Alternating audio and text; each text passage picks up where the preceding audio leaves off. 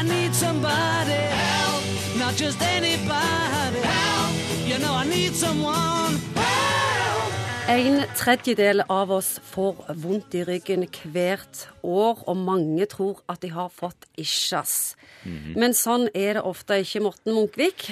Grei ut om isjasnerven.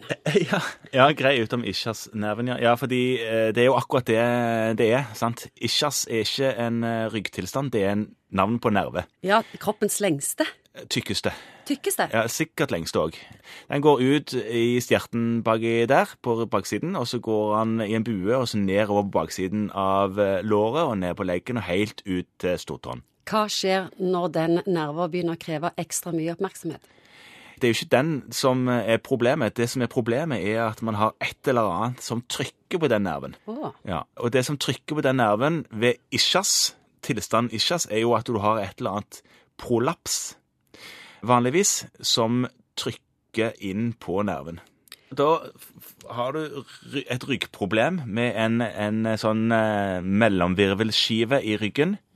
Mellom ryggvirvlene er det jo sånne mellomvirvelskiver som er med på å skape bevegelse der.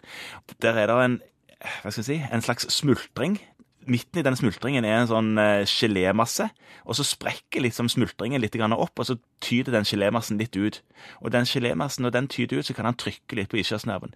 Og det at han sprekker ut, er vondt, og det at han trykker på ischiasnerven, gjør at du får utstrålende smerter. Og de utstrålende smertene er det som er klassisk for ischiasryggvondten. Du har vondt i ryggen, og så stråler smertene nedover i den ene siden av foten, og helt ned forbi kneet, og noen ganger òg helt ut i stortåen. Så det er rimelig lett å diagnostisere.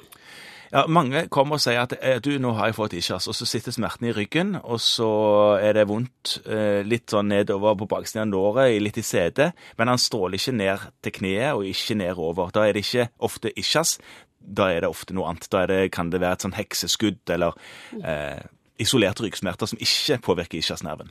Vi leger at det er ischias.